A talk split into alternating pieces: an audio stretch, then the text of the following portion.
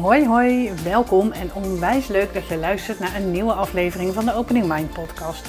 De Train de Trainer podcast waarin ik werkvormen deel, mijn fuck-ups, anekdotes uit de praktijk en heel veel praktische tips. Zodat jij vanuit jouw expertise de toptrainer kan zijn die met plezier en zelfvertrouwen fantastische training heeft. Waardoor je agenda vol loopt met trainingen en je deelnemers continu terugkomen voor meer van jou. Want hoe pas je al die leertheorieën nou toe? Of wanneer juist niet? Welke werkvorm zet je wanneer in? Hoe zet je deelnemers aan tot actie? En hoe verkoop ook jij je trainingen moeiteloos? Je hoort het hier. Veel plezier!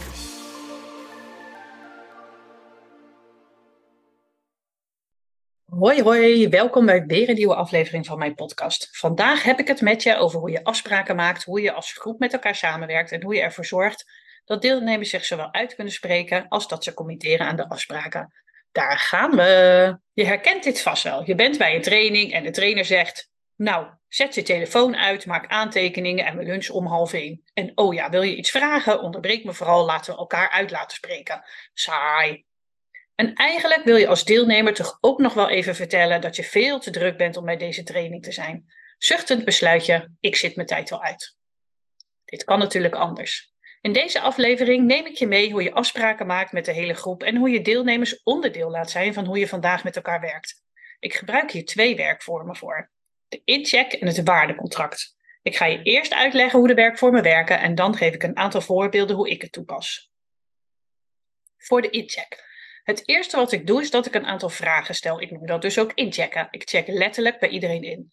Het doel van deze incheck is weten wat er speelt bij elk van je deelnemers en wat er dan vervolgens nodig is vanuit de groep. En wat er speelt kan zowel af, afleiding zijn, uh, als dat de deelnemer denkt aan zijn aannemer die vandaag aan de verbouwing van de keuken begint.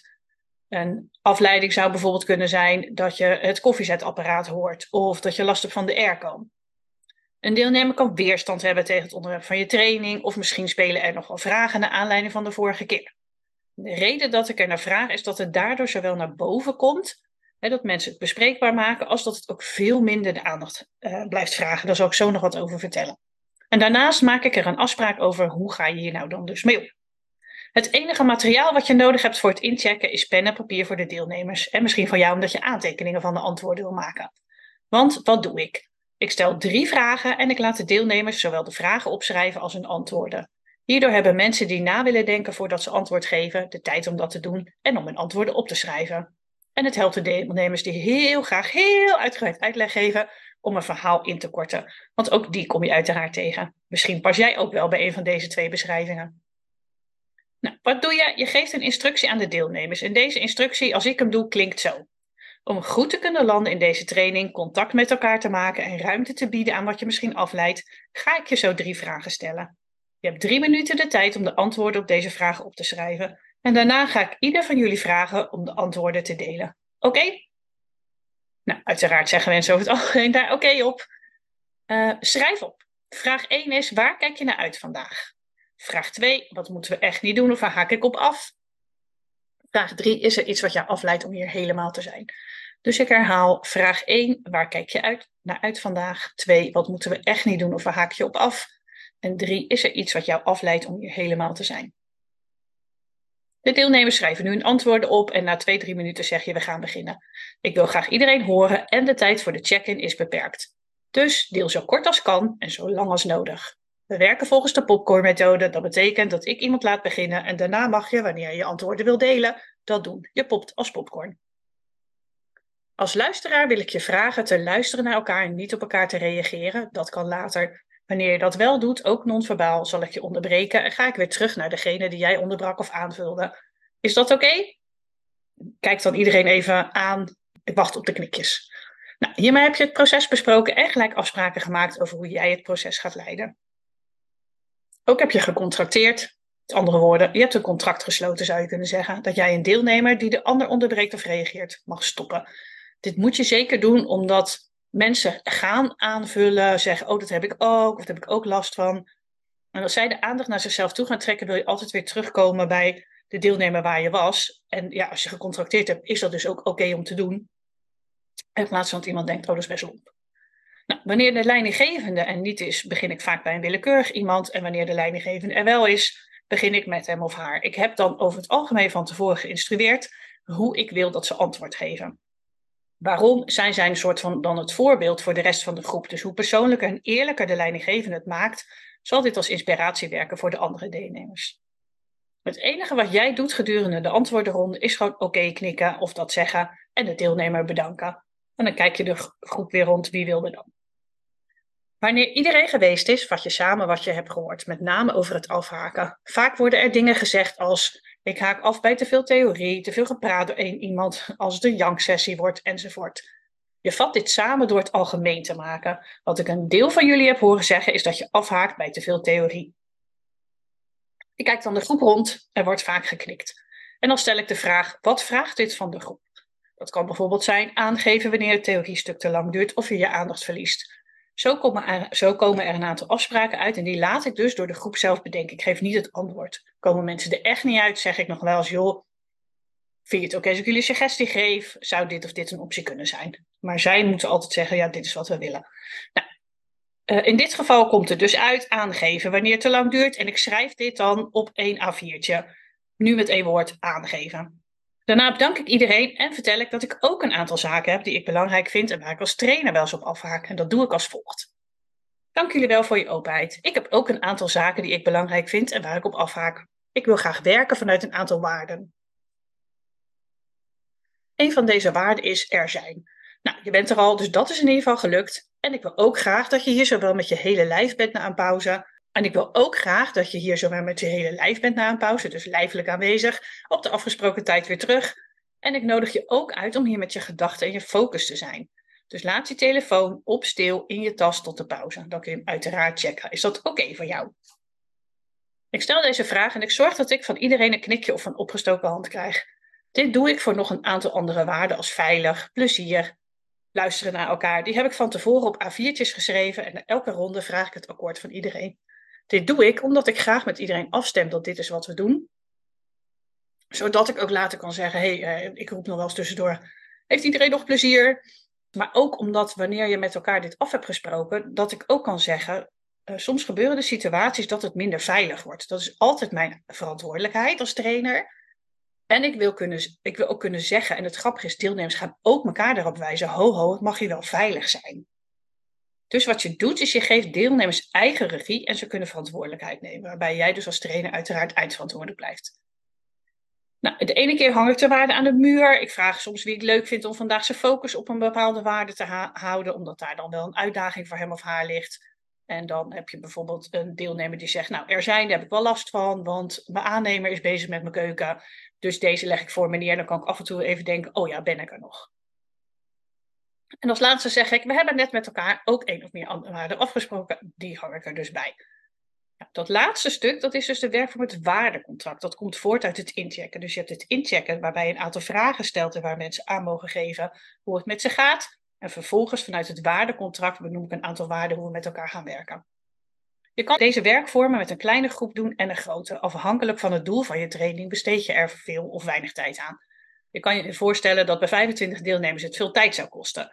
Wat ik dan bijvoorbeeld doe, is in plaats van vragen wie wat wil delen, dat mensen hun hand opsteken. En dan kunnen de mensen die dat willen het doen. Overigens zorg ik dan wel dat ook de wat meer stille deelnemers wel aan bod komen. Nou, je kan ook deelnemers in kleine groepjes het eerst laten bespreken en dan bijvoorbeeld een samenvatting delen van wat ze in groepjes hebben bedacht. Mocht jij nou werken als teamcoach, dan zou ik bij een groep van 25 iedereen de gelegenheid geven, maar dan verandert de incheck ook van doel. Dus ik zal hier een andere podcast dus over delen hoe ik de werkvorm weten wat er speelt dan inzet. inzet. Zoek die eens even op. Nou, in het algemeen werkt het inzetten van de incheck en het waardecontract heel erg effectief. En je bent vast nieuwsgierig of dit altijd goed verloopt. Nou nee, meestal wel overigens. En waarom dan? Nou, het, het fijne aan de eerste vraag is dat je gelijk hoort wat de deelnemers verwachten en waar ze zin in hebben. Dat is natuurlijk altijd leuk. De tweede vraag zorgt ervoor dat je afspraken met elkaar maakt. Maar het kan ook gebeuren dat deelnemers, zo bij de eerste vraag al, of dus bij de tweede vraag, gewoon zeggen: Ik heb totaal geen zin in deze training. Dan zou je zeggen: Ja, dat wil ik eigenlijk helemaal niet weten, want ja, we zijn er nou eenmaal, we moeten het doen. Dat is zo en toch, ook al zou je het niet benoemen, het is er nog steeds en dan kan je er beter mee werken. Ook hoe spannend dat voor jou dus ook is. Ik heb ooit een training met 24 mensen gedaan en ik was een, uh, gaf een vervolgtraining op sessie die iemand anders eerst had gegeven. Dus ik wist aan niet wat er in de vorige sessie was gebeurd, afgezien van wat ik van de training had gehoord, maar ook niet hoe zij er nog in zaten. We begonnen de training en uh, ik deed de incheck en de tweede deelnemer zei gelijk, nou ik heb er helemaal geen zin in, want we zouden afspraken maken, maar we houden ons toch niet aan. Dus ik heb geen idee waarom ik hier ben, het is echt zinloos. Je snapt natuurlijk dat ik wel even dacht, uh, kak. Ik bedankte de deelnemer en vroeg, nou wie van jullie heeft dit nog meer? En er gingen 18 van de 24 handen omhoog. Ik kreeg wel een beetje zweet, dat snap je vast wel. Wat heb ik nou vervolgens gedaan? Ik heb ook gezegd, ik maak dit rondje af. En dan wil ik jullie de ruimte geven om dit eerst te bespreken voordat we verder gaan naar de inhoud van deze training. Dit bepaal je overigens altijd als trainer zelf. Ga jij, hè, wil je hiermee iets doen of niet? Ik zou het wel doen, omdat het anders heel erg blijft hangen dat mensen er geen zin in hebben. Ja, dan moet jij zo ontzettend hard werken. Heeft denk ik weinig toegevoegde waarde. Nou, dat hebben we dus vervolgens ook gedaan. Uh, we zijn dus bezig geweest met hey, wat is er dan de vorige keer gebeurd en wat is er nu en wat zou er dan anders moeten zijn. Daar hebben we dus ook hele concrete afspraken over gemaakt, waar we ons uiteraard aan hebben gehouden. Het heeft, denk ik, het anderhalf uur gekost in totaal, maar door het uit te spreken en vooral ook dat dat dus mocht, dat mensen gewoon mochten zeggen: Ik heb hier geen zin in. Ik ben niet gaan overtuigen in de zin van: Het is hartstikke goed om hier te zijn, je moet hier zijn, je moet hier naam van de baas zijn, bla bla. Nee, het mocht er gewoon zijn. Daardoor kwam er ontspanning en werd het echt een toffe dag. En kreeg ik na afloop van nou, de grootste klager ook terug. Wat heb je dit fijn aangepakt? De derde vraag. Wat leidt jou af om hier te zijn? Dit helpt vaak om zaken minder erg te maken. Dus een deelnemer die zegt: Ik weet niet zeker of mijn 16-jarige puber naar stage is gegaan vandaag. Dat leidt me heel erg af. Het grappige is, door te benoemen, heeft hij er gedurende de dag eigenlijk vrij weinig last meer van. Zij ging even checken in de pauze, heb ik al iets gezien? En het was gedurende de dag verder oké. Laatst gaf ik een uh, werkvormendag waar het geluid van de koffiemachine die in een andere zaal stond, uh, erg afleidend was zodra iemand een chique koffie met melk, et cetera, uh, wilde. Iedereen, bijna iedereen benoemde dat en iedereen had er ook last van en deelde dit dus ook. En daardoor raakten we er eigenlijk heel snel aan gewend, want gedeelde smart is halve smart. Maar wat er ook gebeurt, stel dat je iemand bent, zeker in het begin van de training, die denkt, ja, ik wil niet gelijk gaan mopperen en deze vraag wordt je niet gesteld. Wat er dan gebeurt, is dat jij continu denkt, oh, daar gaat die koffiemachine weer, oh, daar gaat die koffiemachine weer. En je gaat je er onwijs aan ergeren, je houdt heel lang je mond en op een gegeven moment ontplof je en roep je, die koffiemachine, ik word er gek van. En dan moet je als trainer dus met een stel mopperende mensen zitten. Terwijl doordat je het gelijk s benoemt, ja, hé, hey, ik hoor het ook, het lijkt me ook af, is het eigenlijk veel zachter en wordt het ook klein, heb je er veel minder last van. Dus het is een hele fijne vraag om nou, woorden te geven aan een gevoel wat iemand ervaart, uh, waardoor het minder heftig is.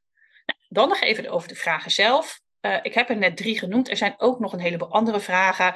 Je zou bijvoorbeeld kunnen zeggen welke drie woorden zeggen iets over hoe jij je op dit moment voelt. Wat houd je op dit moment het beste bezig in je werk? Er zijn nog best wel een aantal meer vragen. Uh, de podcast wordt heel lang als ik dat allemaal ga vertellen. Dus wat ik ga doen is, en het is ook onmogelijk om het te onthouden. Ik zal op mijn website een pdfje van deze werkvorm zetten, dan, die je kan downloaden. Hoef je ook je e-mailadres of zo niet voor in te vullen. Nou, ik hoop dat dit eh, duidelijk uitgelegd is. Zo niet, ja, geef vooral uh, onder deze podcast staat een Q&A-dingetje, een blokje. Dus daar kan je aangeven, en Mirjam, hoe zit dit dan en hoe doe ik dat? Je kan het ook via Instagram doen, mirjamheek.nl is mijn Instagram-naam. Of LinkedIn. En uiteraard ben je natuurlijk welkom op een werkvormendag tijdens een trainersopleiding om deze werkvormen zelf te ervaren. Super tof dat je erbij was vandaag. Tot snel.